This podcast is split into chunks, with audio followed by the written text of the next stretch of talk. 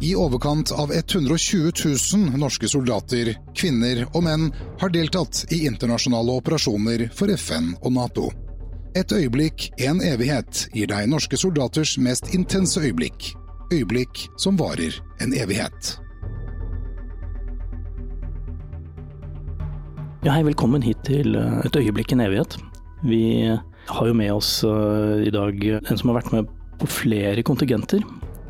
Og uh, nå sitter vi rett ved arbeidsplassen din, Vibeke. Velkommen. Takk for det. Du er politi, egentlig? Eller militærpoliti? Eller jobber i hvert fall med den delen av Forsvaret som handler om de juridiske tingene? Ja, det er i hvert fall bakgrunnen min. Og så har jeg gått litt mer bort fra det de siste årene, så nå jobber jeg mer innenfor sikkerhet. Ja, for du er i Forsvarets sikkerhetstjeneste? Det stemmer. Ja, så du, du, jobber egentlig to hus bortenfor der vi sitter nå, som er midt på festningsplassen, egentlig? Ja, veldig privilegert uh, med stedet jeg jobber, faktisk. Men du begynte jo ikke der? Du, du, har jo visst uh, lenge hva du skulle bli, fortalte du. du. Du, begynte omtrent i barnehagen. Du må vite å, å legge opp karriereplanen din. Ja, uh, jeg vet ikke helt hvor det kom fra. Men uh, før jeg begynte på barneskolen så visste jeg jo hva jeg skulle bli, og det var jo politi. Og det er nok veldig mange som har det på den måten, men om de faktisk blir det, det er jo noe annet. Så jeg la jo opp ganske ambisiøst karriereplan og allerede i femte klasse på barneskolen så visste jeg jo hva jeg skulle gjøre for å komme dit. Jeg, jeg altså måtte gå da for å bli politi. Så, så alt av videregående utdanning og alt var jo valgt ut med bakgrunn i det. Og også da militærtjeneste før politiskolen, da, selvfølgelig. Ja, For du hadde førstegangstjeneste? Det hadde jeg først, og det var basert på at jeg kom faktisk ikke inn på befalsskolen første gang, så da måtte jeg jo inn i Forsvaret på en eller annen måte, og da ble det førstegangstjeneste. Men så fant du jo ut at du hadde lyst til å reise ut, og det var jo ganske kjapt. Et, ja. Etter at du begynte i Forsvaret. Du reiste jo ut da i tidlig 90-tall? Ja, eh, jeg reiste jo egentlig ut rett etter førstegangstjenesten eh, til Somalia. Og eh, da var jeg jo knapt rundet 20 år da jeg dro dit. Og det baserer seg på en søknad jeg leverte inn uten egentlig å vite helt hva jeg gjorde for noe mens jeg gikk i førstegangstjenesten. Og så, etter dimisjon, så var jo alt dette glemt, til jeg fikk da en telefon om at jeg var plukket ut til å dra dit. Hva tenker man da, da? Altså, plutselig så skal du reise til altså, Somalia den gangen var jo var litt vi hadde, vi hadde, jo sett mye av det på, på TV overalt. og det var, et, det var langt unna, det var Afrika. Det var, det var ikke noe fredelig sted å dra til. Nei, absolutt ikke. Det var vel på den tiden noe av det verste stedet du kunne dra til. Men det var jo sånn, Jeg fikk en telefon, eh, telefon eh, fra Forsvaret om at vil du dra dit? Du har ti sekunder å svare på, på en måte. Og da sto jeg alene hjemme i huset til mor og far, husker jeg. Og ja, fader eller jeg drar. Hvorfor ikke? Jeg var jo veldig eventyrlysten og eh, syns det var veldig kjekt å prøve nye ting. Og, altså i hvert fall sånn i reise og Forsvaret og i det hele tatt. For da, akkurat da var jeg jo sivil. Så, så, jeg heiv meg på, så fikk jeg beskjed om å møte kort tid etterpå. Så var det tre uker opptrening, og så plutselig sto jeg der. Tre uker på Onsrud, og så var det rett til, eh, rett til Mogadishu? Ja, jeg var jo uh, litt av tiden på Onsrud, og så var jeg veldig mye av tiden i Vatneleiren, der som jeg da hadde gått førstegangstjenesten, i Sandnes. Og så var det tilbake og rett ut. Det må ha vært en overgang. Altså, hvordan så mange år etterpå, er det noe som sitter igjen av minner fra hvordan det, det, møtet var med Somalia?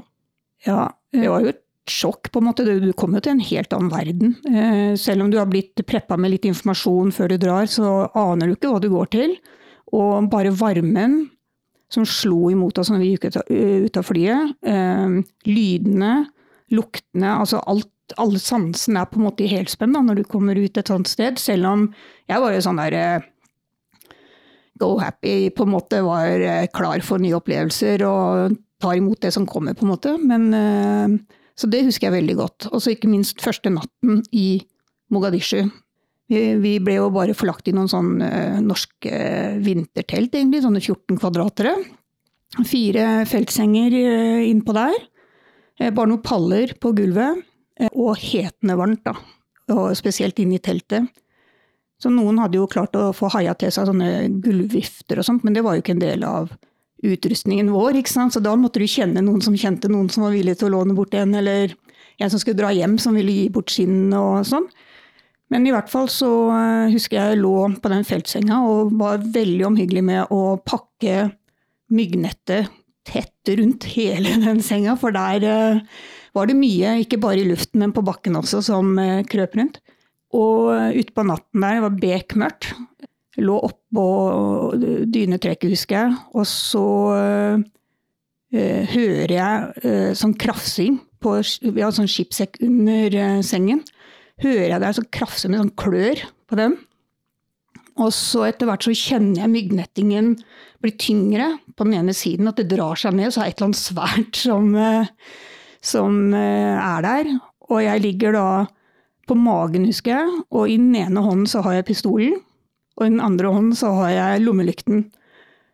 Og ligger der lenge og vurderer på hva, hva jeg skal bruke først, da.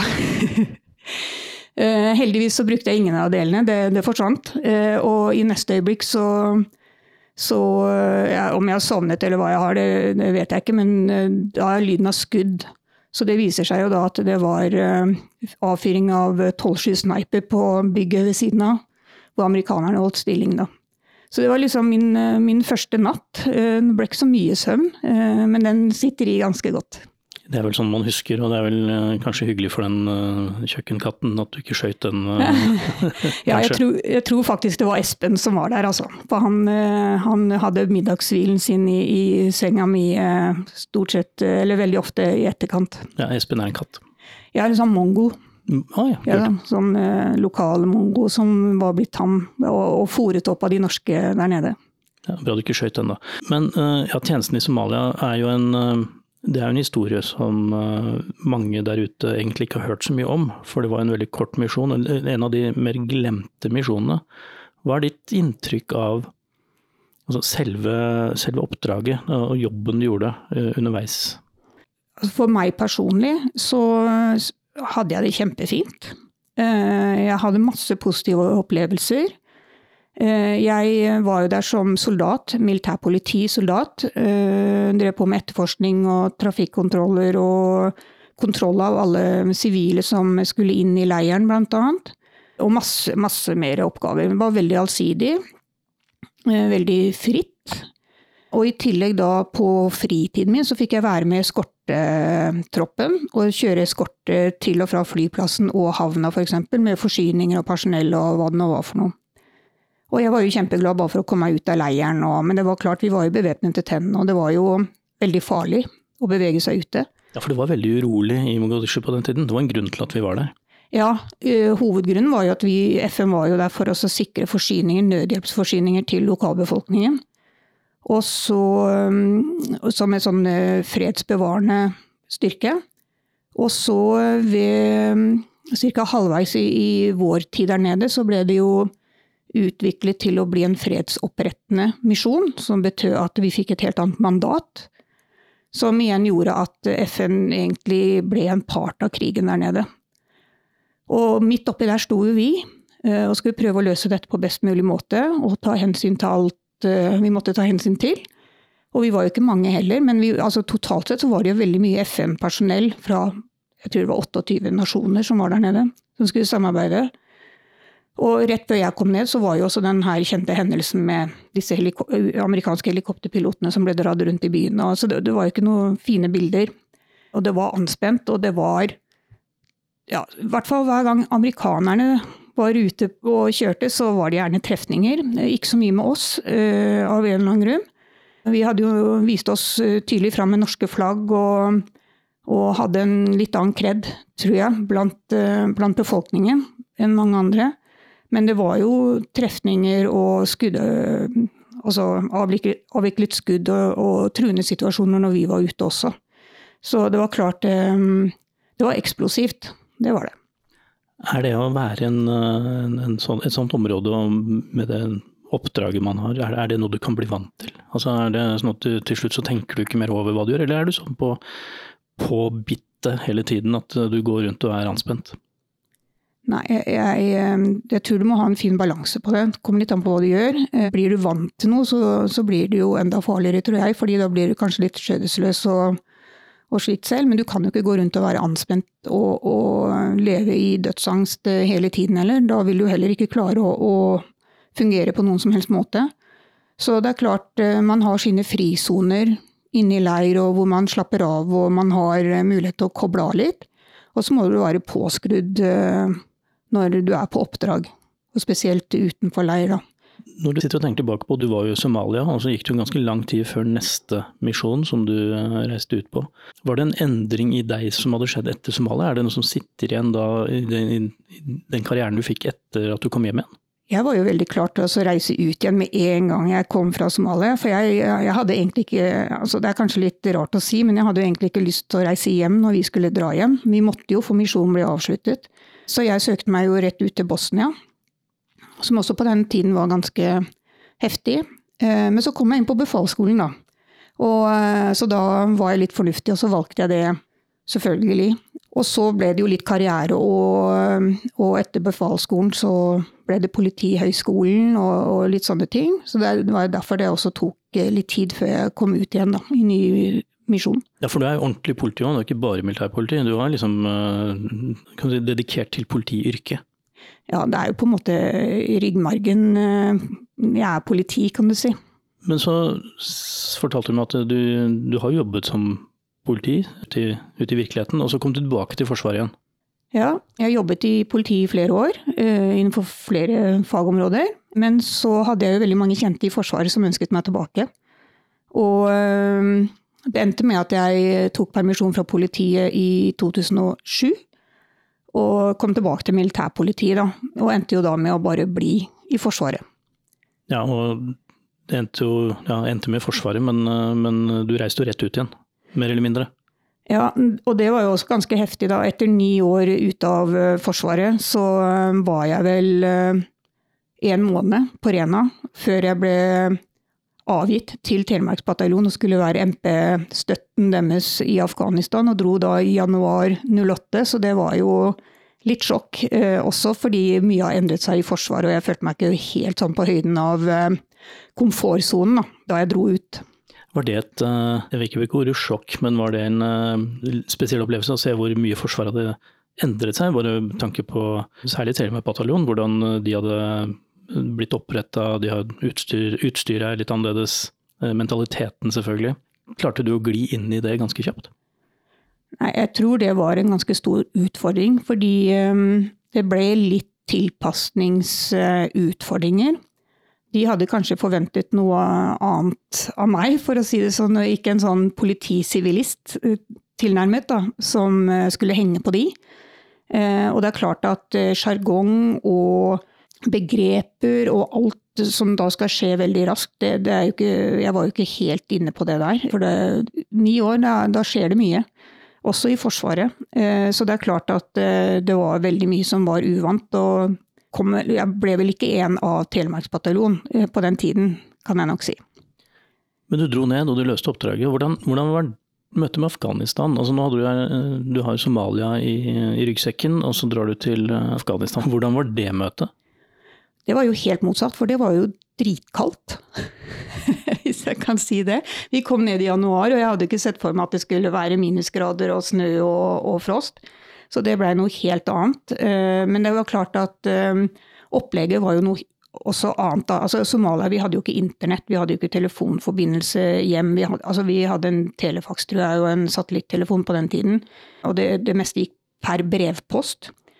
Afghanistan, da var det jo internett, og det var et helt annet opplegg, og profesjonelt da, på, på en helt annen måte.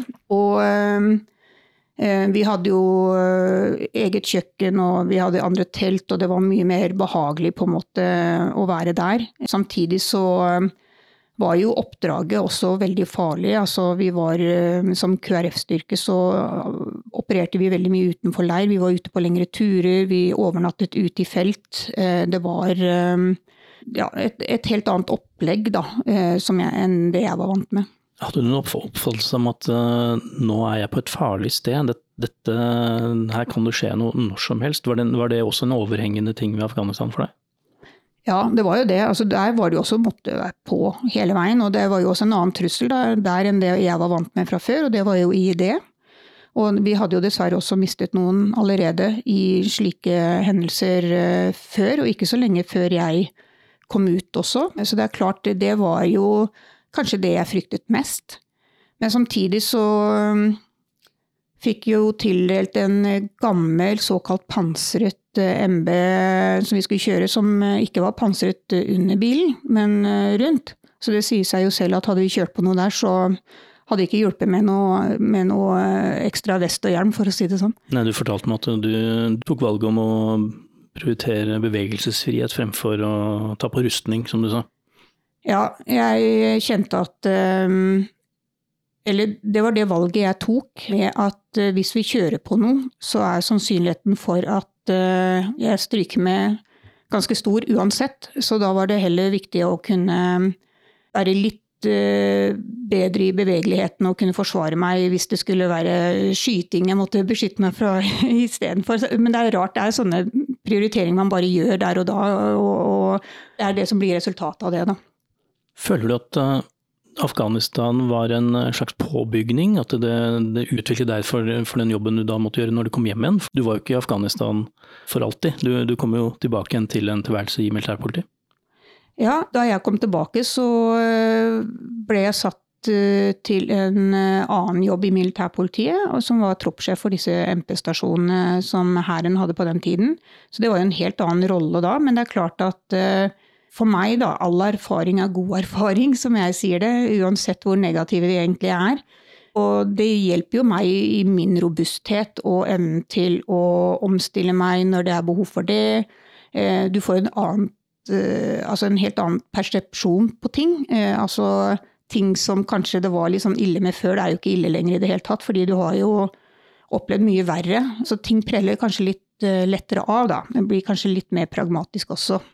Ja, Man opplever jo steder i verden som absolutt ikke er det norske velferdssamfunnet på noen som helst måte. Er det noe du kan relatere deg til når du da kommer hjem igjen og, og ser, ser, rundt deg hva, hvilke bekymringer som folk har her, og som egentlig ikke betyr stort i det store sammenhengen?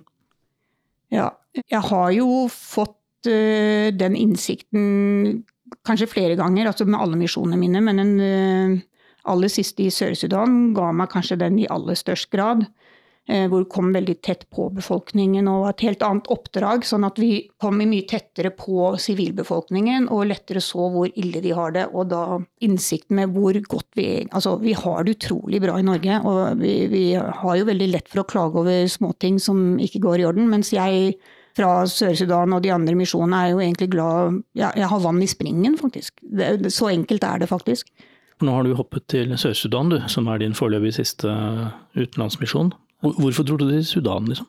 Jeg har nok innsett at jeg er en eh, person som blir rastløs sånn ca. etter tre år i, med å gjøre det samme. Eh, den stillingen jeg sitter i nå i Forsvaret, den har jeg hatt i sju år. Så det var kanskje naturlig å da i slutten av 2017, eh, hvor jeg kjente at jeg begynte å bli litt rastløs, ville ha noe nytt, så var det naturlig å, å, søke utenlandstjeneste, fordi jeg ønsket å komme tilbake til den stillingen jeg har. Men jeg måtte bare ha en eh, pause eh, og gjøre noe annet. Så da søkte jeg på flere stillinger, eller FN-stillinger rundt omkring i verden, og så endte jeg opp med å få en stilling i Sør-Sudan. Og det var noe helt annet enn Afghanistan? Det var jo noe helt annet. FN og Nato kan jo ikke sammenlignes eh, på veldig mange måter. Og i, til forskjell fra de for, foregående misjonene mine, så var jo Sør-Sudan noe helt annet også, for da dro jeg ut alene. Jeg tilhørte ikke noe avdeling. Så det var en selvstendig stabsoffiserstilling jeg dro ut til. Og da eh, endte jeg opp i eh, altså den østre delen av Sør-Sudan, i en leir i en by som heter Bor og der var vi to norske til å begynne med. Så det, det var oss, og så var det mange andre FN-nasjoner. Og så var det en liten leir som bare var midt i ingensteds. Hvorfor var FN der?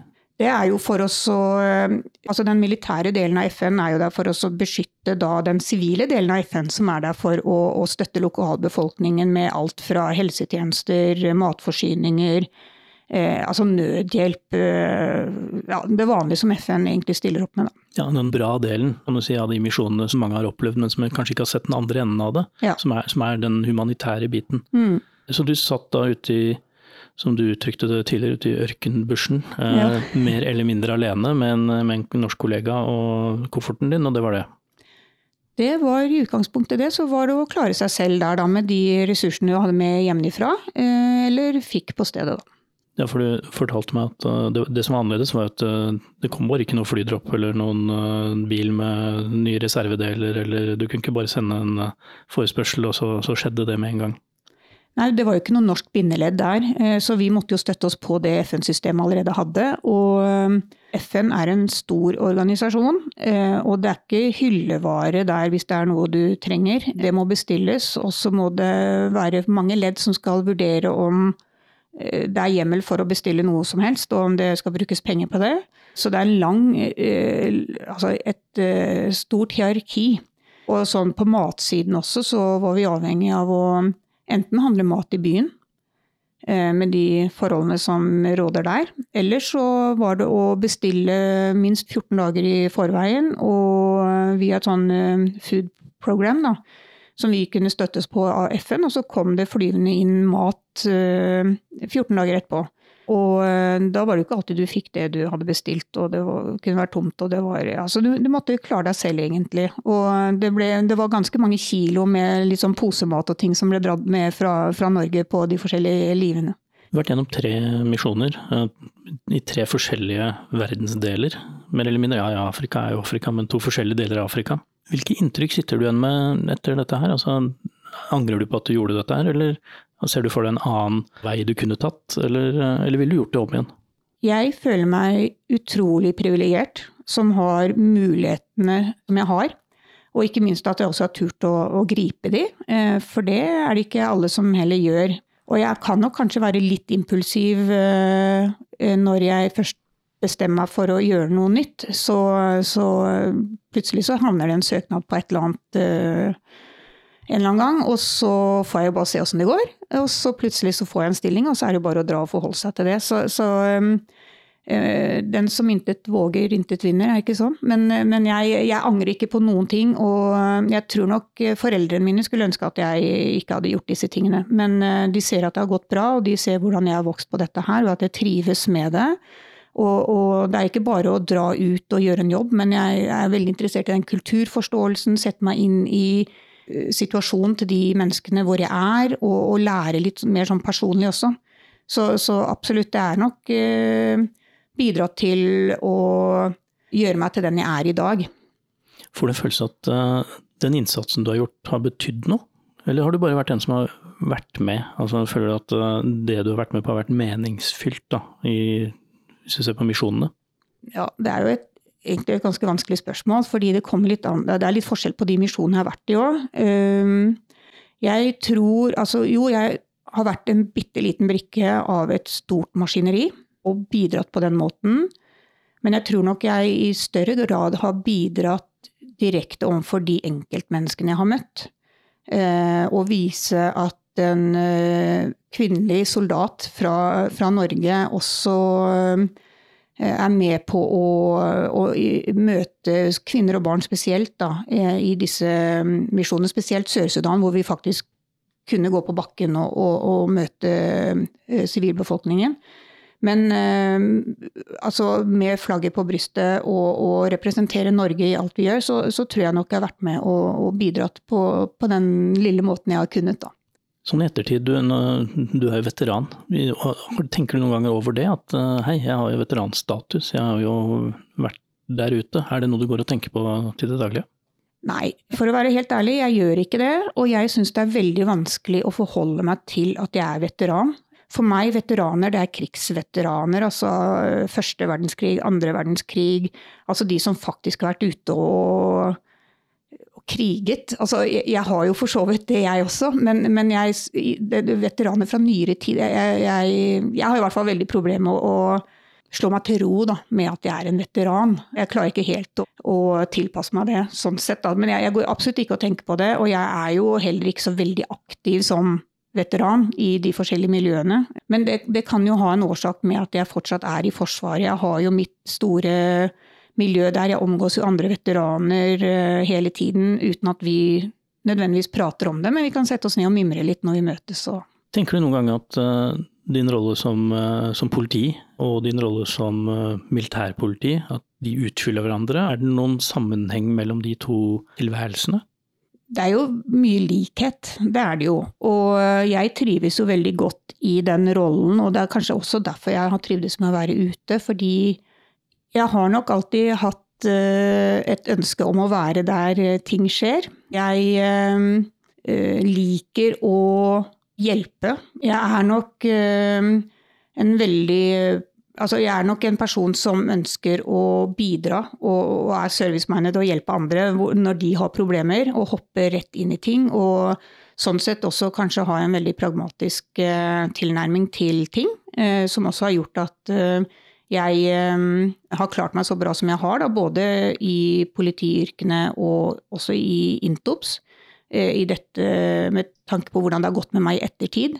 Det å være der når det skjer, og ikke minst være trygg på at du vet hva du skal gjøre når noe skjer, den har gitt meg en veldig mestringsfølelse. Og det er nok kanskje det som gir meg litt sånn adrenalinkick, da.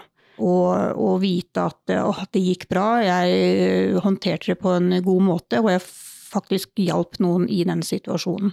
Og det, det gir veldig eh, en sånn, kall det tilfredshet, da. Og det, det, er kanskje det som er eh, min vei her i livet. Å være til stede for andre og prøve å hjelpe til eh, så godt som jeg kan. Og der er både militærpolitiet og politiet i veldig stor grad del, et sted hvor jeg får bidratt med det, da. Hvis du kunne gå tilbake og snakke med Vibeke som var fem år gammel, ville du sagt til henne ja, bli politi du, eller ville du sagt uh, det er mye annet rart du kan finne på? Jeg tror nok jeg ville sagt til henne at uh, du kan bli det du vil uh, bli. Du må gjøre en innsats for å komme dit du ønsker. Men så er det jo mange ting man ikke rår over i veien også. Jeg hadde jo staket ut en kurs for hva jeg skulle bli, og jeg ble det jo med litt sånn omveier. Og har jo endt opp nå et helt annet sted enn hvor jeg trodde jeg skulle ende opp. Det var en veldig stor kamel å svelge mothårs da jeg eh, sluttet i politiet for å gå tilbake til Forsvaret.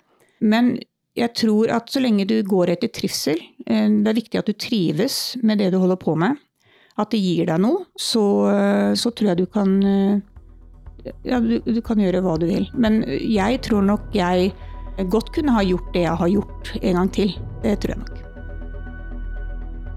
Dette er en av mange unike historier om selvoppofrelse og mot fra våre soldater. Her lar vi soldatene selv fortelle om de intense øyeblikkene, akkurat slik de opplevde det. Historier som rett og slett er blitt et øyeblikk, en evighet.